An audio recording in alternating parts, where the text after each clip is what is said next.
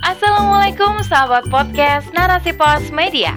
Di sini Dewi Najat kembali menemani sahabat semua dalam rubrik syiar. Kali ini dengan judul Khilafah bukan ide kemarin sore oleh Yeni Marlina. Umat harus memahami Islam sebagai ideologi, bukan ide dadakan yang baru lahir di saat kerusakan merajalela. Jauh sebelumnya, Islam telah datang membawa rahmat untuk sekalian alam. Buktinya, sejak diutusnya Rasulullah Shallallahu Alaihi Wasallam yang membawa petunjuk kebenaran. Dengan bisyarah tersebut, Rasulullah berhasil mengeluarkan manusia dari kebodohan menuju cahaya. Selengkapnya, tetap stay tune di podcast Narasi Pos Media. Narasi Pos, cerdas dalam literasi media, bijak menangkap peristiwa kunci. Khilafah tidak cocok diterapkan di negeri ini. Khilafah bukan budaya kita tapi budaya Arab sana.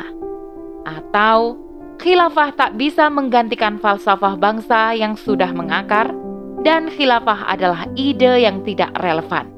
Bahkan diklaim sesat serta menyesatkan. Para pengembannya adalah orang-orang yang sedang bermimpi memperjuangkan sesuatu yang utopis. Pernah mendengar kalimat-kalimat negatif tersebut? Pasti pernah dan bahkan sering ya. Ya, banyak disebar di media-media dengan narasi serupa. Bahkan dari lisan-lisan para anti gagasan khilafah. Itulah sebagian nada sumir yang kerap dialamatkan pada umat Islam khususnya tentang gagasan ide khilafah. Tidur panjang yang mendera umat Islam sejak keruntuhan khilafah mengakibatkan kaum muslimin asing terhadap nilai-nilai Islam kafah. Satu sisi mengimani Islam, di sisi lain enggan diajak bangun dan kembali bangkit. Mereka melupakan sejarah yang terjadi pada 3 Maret 1924, yakni sebuah peristiwa duka yang telah merobek-robek kesatuan tubuh umat ini. Mustafa Kemal Atatürk, bapak sekuler Turki telah memotori keruntuhan daulah khilafah Islamiyah. Inilah puncak keterpurukan yang telah membawa nestapa berkepanjangan bagi kaum muslimin. Barat telah berhasil memainkan para penguasa komprador, memuluskan misi imperialisme mereka. Mereka saling berebut, bagaikan hidangan prasmanan terhadap aset dan potensi berlimpah yang dimiliki umat Islam. Bayarannya murah, cukup dihargai dengan sebuah jabatan kekuasaan, mengokohkan hegemoni kekuasaan melalui intervensi berbagai urusan dalam negeri dan direalisasikan melalui peran demokrasi. Nilai-nilai aturan yang bersumber dari ideologi kapitalisme, yakni ideologi yang telah menggusur peradaban Islam. Kapitalisme yang melegalkan berbagai kebebasan telah terbukti membawa kegagalan. Kebebasan berakidah, tingkah laku, berpendapat, bahkan kepemilikan tanpa batas hukum yang jelas. Hukum sekuler buatan manusia telah mengakibatkan kesenjangan dan mencampur adukan antara yang hak dan yang batil. Hukum dan peraturan ini pula yang dipaksakan umat untuk tunduk padanya. Sepanjang kemunduran Islam, telah terbukti keadaan semakin memburuk.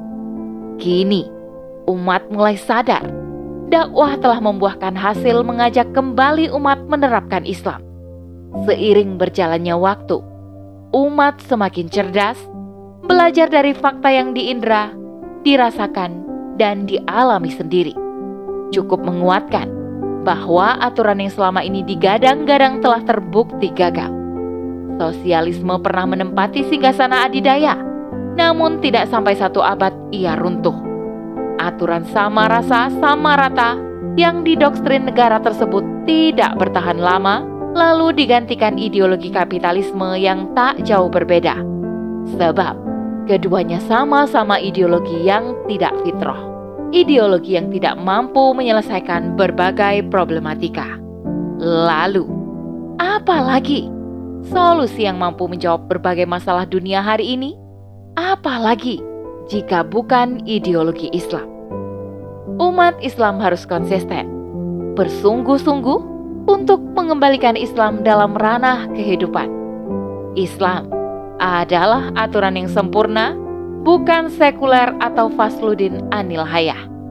Kehidupan haruslah selaras dengan aturan agama, aturan Allah Subhanahu wa Ta'ala sebagai pencipta manusia dan alam semesta ini tentunya akan membawa kemaslahatan berupa kebaikan dunia dan akhirat.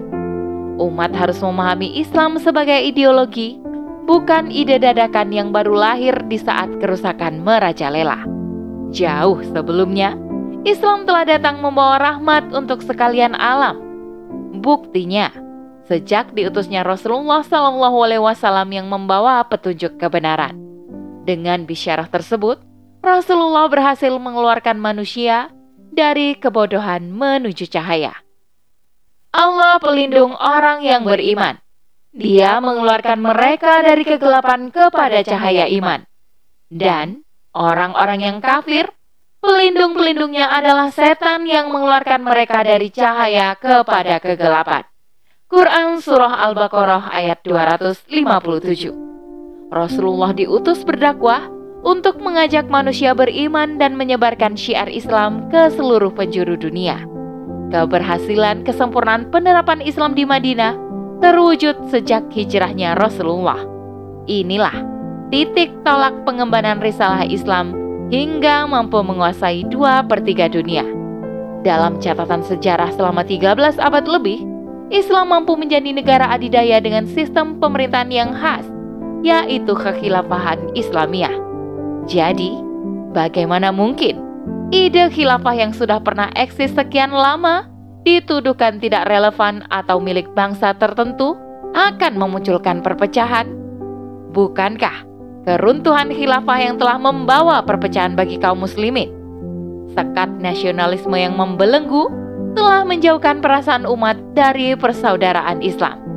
Ide khilafah bukanlah gagasan baru atau gagasan yang dirintis kemarin sore, atau gagasan yang perlu diuji cobakan sebagai problem solving. Mengapa? Setidaknya ada tiga alasan penting. Pertama, khilafah lahir dari ideologi yang sahih, yaitu bersumber dari wahyu Allah, hadis, dan ijma para sahabat. Secara empiris, telah terbukti bahwa penerapan Islam kafah yang telah Allah wajibkan tidak akan pernah bisa terrealisasi melalui sistem lain sistem buruk dan rusak yang mengikuti langkah-langkah setan. Perintah kewajiban taat kepada Allah dan Rasul serta ulil amri atau pemimpin terdapat dalam Quran Surah An-Nisa ayat 59. Kewajiban memutuskan perkara berdasarkan apa-apa yang telah diturunkan Allah terdapat dalam Quran Surah Al-Maidah ayat 49. Hadis Nabi tentang status kematian seorang muslim jika di pundaknya tidak ada bayat kepada khalifah dinisbatkan kepada mati jahiliyah, berlepas tangan dari ketaatan kepada pemimpin, dinisbatkan kepada bertemu Allah tanpa hujah. Begitupun dengan ijma sahabat. Tidak mungkin terjadi penundaan penyelenggaraan jenazah Rasulullah SAW, melainkan dengan pertimbangan prioritas yang tak kalah pentingnya, yaitu hingga terpilihnya Abu Bakar As-Siddiq sebagai khalifah pengganti Rasulullah. Semua ini adalah hujah kebutuhan terhadap khilafah. Secara historis, tak terbantahkan bahwa khilafah pernah eksis. Begitupun secara konseptual, Islam sebagai agama yang mencakup nizamul ruhiyah atau aturan ruhiyah dan nizamul hayah atau aturan kehidupan hanya dalam sistem khilafahlah yang bisa menerapkannya. Kewajiban menerapkan Islam secara kafah tidak bisa diimplementasikan tanpa adanya seorang khalifah Sebab Islam kafah tidak layak dicampur dengan sistem lain. Sebagaimana firman Allah Subhanahu wa taala di dalam Quran surah Al-Baqarah ayat 208. Kedua, kekuatan umat Islam. Umat Islam sejak awal dibangun pada masa Rasulullah telah menyebar luas di berbagai belahan bumi. Umat yang telah memiliki modal iman tentunya akan mudah digerakkan untuk bersatu kembali. Dalam hal ini, membutuhkan motor penggerak yang beraktivitas di tengah-tengah umat, yaitu kelompok dakwah. Kelompok dakwah yang mengajak umat kembali berjuang menegakkan khilafah. Ketiga, tegaknya khilafah adalah janji Allah. Al-khilafah wa'bullah. Peran Allah dengan iradahnya akan sangat mudah mengembalikan khilafah. Janji tersebut dikabarkan baik dalam Al-Quran sebagaimana dijelaskan dalam Quran Surah An-Nur ayat 55 ataupun dalam bisyarah atau kabar gembira dari hadis Rasulullah tentang kembalinya khilafah berdasarkan manhaj nubuah. Janji Allah adalah pasti. Setiap muslim wajib meyakininya. Untuk itu, masihkah percaya dengan klaim yang melemahkan seperti ungkapan-ungkapan musuh yang terus berupaya membendung ide khilafah ini dengan berbagai macam propaganda, baik yang keluar dari mulut mereka ataupun lisan-lisan para pembenci dari kalangan orang-orang munafik. Sungguh, telah nyata kebencian dari mulut mereka dan apa yang tersembunyi di hati mereka lebih jahat. Sungguh, telah kami terangkan kepadamu ayat-ayat kami, jika kamu mengerti. Quran Surah Ali Imran ayat 118 Saatnya umat Islam fokus berkonsentrasi bersungguh-sungguh untuk turut ambil bagian dalam perjuangan menegakkan kembali khilafah. Jangan terlena dengan tipu daya solusi-solusi yang ditawarkan demokrasi. Jelaskan kepada umat bahwa khilafah bukanlah teori yang instan. Teori yang diciptakan oleh manusia seperti konsep sekularisme. Tapi khilafah adalah risalah yang bersumber dari wahyu.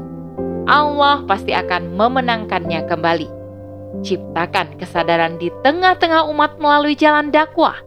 Dakwah yang telah dicontohkan Rasulullah, revolusi pemikiran dakwah tanpa kekerasan, lama dia, bukan pula kompromi berdasarkan teori demokrasi.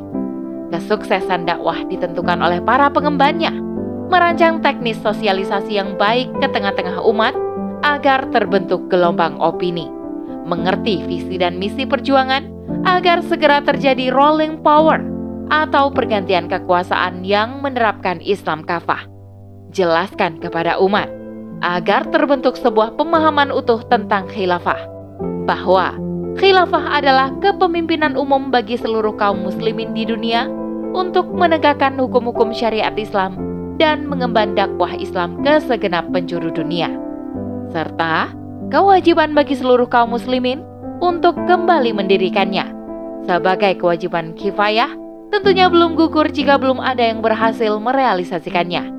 Tugas para pengemban dakwah yang komitmen dan telah menempatkan posisi sebagai pembela agama Allah atau Ansrullah hendaklah bersabar dalam memahamkan umat, meluruskan pandangan yang salah, termasuk tentang ide khilafah, serta memahamkan yang belum paham atau yang gagal paham. Siapakah yang lebih baik perkataannya daripada orang yang menyuruh kepada Allah, mengerjakan amal yang saleh, dan berkata, Sesungguhnya aku termasuk orang-orang yang menyerah diri. Quran Surah Al-Fusilat ayat 33 Dengan demikian, derasnya opini khilafah di tengah-tengah umat akan mempercepat laju kebangkitan Islam dan semakin dekatnya pertolongan Allah. Pada akhirnya, lenyaplah segala makar jahat dan tinggal kebinasaan bagi mereka yang tetap berpaling setelah datangnya peringatan. Dunia akan kembali dipimpin oleh Islam sistem khilafah akan kembali merekrut orang-orang yang memiliki kapabilitas dalam menjalankan roda pemerintahan. Khilafah hanya akan terrealisasi di tangan penguasa yang saleh, taat, adil, serta mampu mengemban amanah untuk menerapkan sistem Islam kafah dalam bingkai negara khilafah. Wallahu a'lam bisawab. Demikian rubrik syiar kali ini. Sampai bertemu di rubrik syiar selanjutnya. Saya Dewi Nasya kundur diri. Assalamualaikum warahmatullahi wabarakatuh.